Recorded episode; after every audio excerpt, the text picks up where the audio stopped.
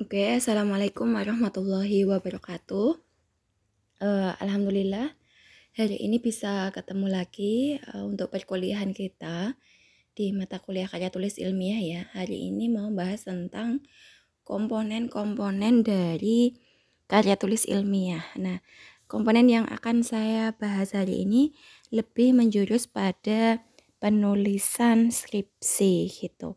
Kemarin sebenarnya sudah terbahas ya, tapi nanti saya mau bahas hmm, per bab saja di bab 1 untuk bab selanjutnya nanti akan kita bahas untuk minggu depannya. Jadi komponennya apa saja sih gitu.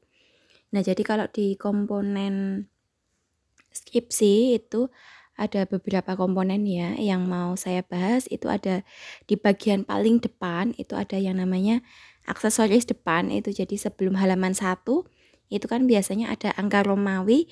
Nah, itu ada yang namanya aksesoris depan. Itu yang pertama ada yang namanya halaman judul atau cover. Ini sudah ada di buku panduan yang kemarin saya kirimkan. Jadi, sesuaikan cover itu dengan panduan kepenulisan skripsinya. Jadi, jangan buat mandiri, jangan buat sendiri asal-asalan begitu. Kemudian ada yang namanya persembahan kata pengantar, daftar isi. Nah, daftar isi memang harus rapi, harus runtut gitu. Jadi jangan buat daftar isi itu secara manual.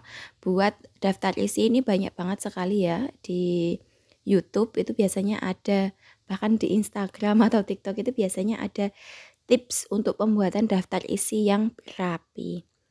Kemudian ada juga daftar istilah, daftar tabel kalau memang banyak tabel-tabelnya. Kemudian ada daftar gambar. Itu masuknya ke bagian aksesoris depan, paling depan sebelum halaman 1. Nah, setelah itu masuk ke bab 1. Ini kemarin juga kita bahas sedikit, ada latar belakang, kemudian ada rumusan masalah, tujuan penelitian gitu.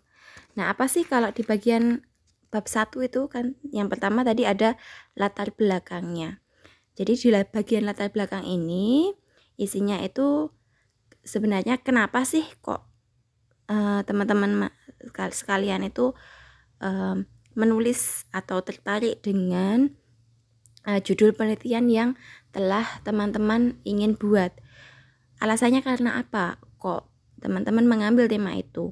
Apakah dari tema itu muncul berbagai masalah yang timbul yang memang menjadi sebuah topik yang memang harus pantas untuk diteliti itu apa gitu. Kemudian bedanya apa sih dengan penelitian-penelitian yang sebelumnya atau yang telah ada. Jadi kan penelitian teman-teman itu mungkin hampir mirip dengan penelitian-penelitian yang uh, telah ada. Nah, kemudian bedanya apa? Itu harus dijelaskan di latar belakang masalah entah itu bedanya itu dari segi subjeknya. Penelitian terdahulu itu di uh, sebuah TK ini kalau di saya ini. Kemudian temanya itu yang membedakan apa gitu. Nah uh, di latar belakang inilah masalah-masalah yang muncul. Itu kemudian uh, akan ada sebuah jawabannya Masalah ini kemudian penggaliannya seperti apa? Cari masalahnya dari mana? Itu kan teman-teman juga harus cari masalah. Jadi sebenarnya di latar belakang itu adalah isinya pencarian masalah. Nah, masalahnya ini muncul dari berbagai sumber pencarian masalah. Pencarian masalah ini ada beberapa cara. Yang pertama adalah observasi. Jadi teman-teman ke lapangan, ke sekolahan, lihat-lihat anak, lihat-lihat guru, lihat-lihat sekolahan, kemudian ada masalah yang muncul di sekolahan itu. Itu. Atau e, dari observasi ini contohnya ya, ketika teman-teman ke sekolahan melihat-lihat kondisinya anak, contohnya itu terlihat bahwa anak itu ketika diminta maju ke depan kelas itu pada nggak mau pada malu-malu, pada nggak ada e, rasa percaya dirinya itu masih kurang begitu. Nah ini kan sebuah masalah gitu ya. Nah masalah ini berarti kita sudah punya tabungan masalah. Berarti di TK ini ternyata banyak anak, banyak anak itu disebutkan berapa.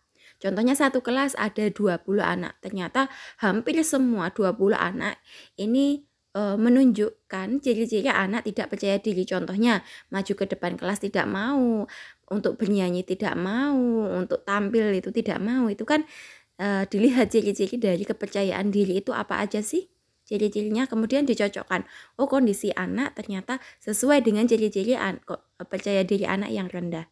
Nah, dari situlah kita menyimpulkan bahwa memang di TK ini itu ternyata e, mengalami rasa kepercayaan diri anak yang kurang gitu. Jadi disebutkan contohnya dari 20 anak ada berapa anak 18 atau 19 gitu. Jadi ada data yang valid yang menyatakan memang benar-benar bahwa di TK tersebut memang anak-anaknya rasa percaya dirinya kurang. Nah, kemudian bisa juga dengan tadi kan observasi ya.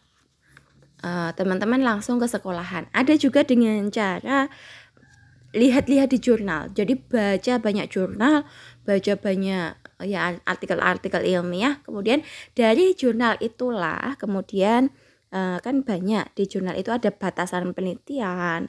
Kemudian dari hasil-hasil penelitian begitu ya. Kemudian dari uh, batasan penelitian atau sumbangan besok penelitiannya itu mau seperti apa ke depannya itu teman-teman bisa mengambil masalah dari itu. Contohnya ada sebuah penelitian di sebuah tempat, ternyata e, pen, tempat itu ternyata mengalami e, rasa diri percaya dirinya rendah. Nah, itu kan juga masalah dari hasil penelitian e, yang telah lalu.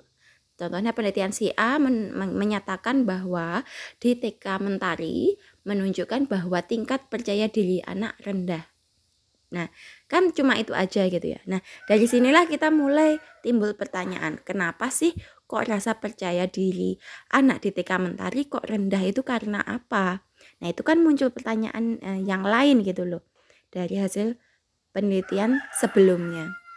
Nah, dari masalah-masalah yang muncul inilah kemudian timbul pertanyaan, mengapa rasa percaya diri anak di TK Mentari itu rendah? Nah, dari pertanyaan inilah nanti menjadi rumusan masalah. Nah, dari pertanyaan-pertanyaan ini, kemudian kita akan membuat sebuah hipotesis atau jawaban dari masalah yang tadi ditanyakan. E, kenapa e, kok bisa muncul rasa percaya diri anak yang rendah? Itu kan masalah ya. Kemudian kita lihat-lihat lagi di jurnal, kira-kira yang mempengaruhi dari rasa percaya diri anak yang rendah itu apa? Nah, itu kan e, harus baca ya. Oh, ternyata dari hasil jurnal banyak faktor yang mempengaruhi hmm, yang membuat anak menjadi tidak percaya diri contohnya. Salah satunya ternyata dukungan orang tua. Nah, Ternyata ketika kita observasi di sana, di sekolahan atau wawancara di sekolahan, itu memang menunjukkan bahwa orang tua di TK Mentari itu ternyata belum mendukung sepenuhnya anak. Jadi tidak ada dukungan. Jadi tidak ada, ada dukungan itu contohnya seperti apa? Contohnya tidak memberikan pujian kepada anak, selalu menuntut anak, Kemudian ketika anak main itu masih tidak mau menemani, ketika anak pulang sekolah tidak langsung dijemput, jemputnya ter terlambat. Nah, itu kan berarti ciri-ciri bahwa orang tua belum mendukung sepenuhnya pada anak. Nah, kemudian dari hasil observasi ini kan memang oh ternyata memang banyak anak yang dijemputnya terlambat. Banyak anak yang ketika bayar SPP contohnya itu masih uh, terlambat juga. Nah, dari situlah kemudian kita cari-cari jurnal. Apakah memang benar dukungan orang tua ini mempengaruhi dari rasa percaya diri anak? Oh, ternyata benar ada jurnalnya. Nah, dari situlah kemudian uh, kita membuat sebuah rumusan masalah. Jadi, apakah dukungan orang tua tadi itu mempengaruhi tingkat kepercayaan dirinya anak? Nah, itu menjadi sebuah rumusan masalahnya. Nah, dari rumusan masalah kita masuk ke uh, poin selanjutnya yaitu adalah dari tujuan penelitian. Tujuan penelitian itu adalah jawaban dari rumusan-rumusan masalah pertanyaan-pertanyaan yang ada di dalam rumusan masalah. Jadi tujuan penelitian ini untuk membuktikan bahwa ada pengaruh dari dukungan orang tua terhadap kepercayaan dirinya anak. Begitu. Nah, itu di bagian tujuan penelitian. Jadi tujuannya itu nanti biasanya ada beberapa tujuan ya untuk peneliti, kemudian untuk uh, orang tua, untuk sekolah, untuk masyarakat, kayak seperti itu. Nah, itu di bagian bab 1.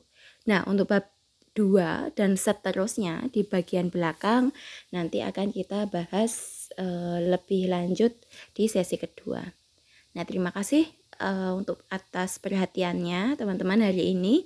Semoga uh, podcast saya ini lancar bisa teman-teman resum dan resumnya nanti dimasukkan di bagian uh, V-class ya nanti saya buatkan untuk tugasnya tugas resum jadi ditulis tangan kemudian di scan PDF seperti biasa kemudian dikirimkan di V-class Demikian dari saya teman-teman, semoga bermanfaat.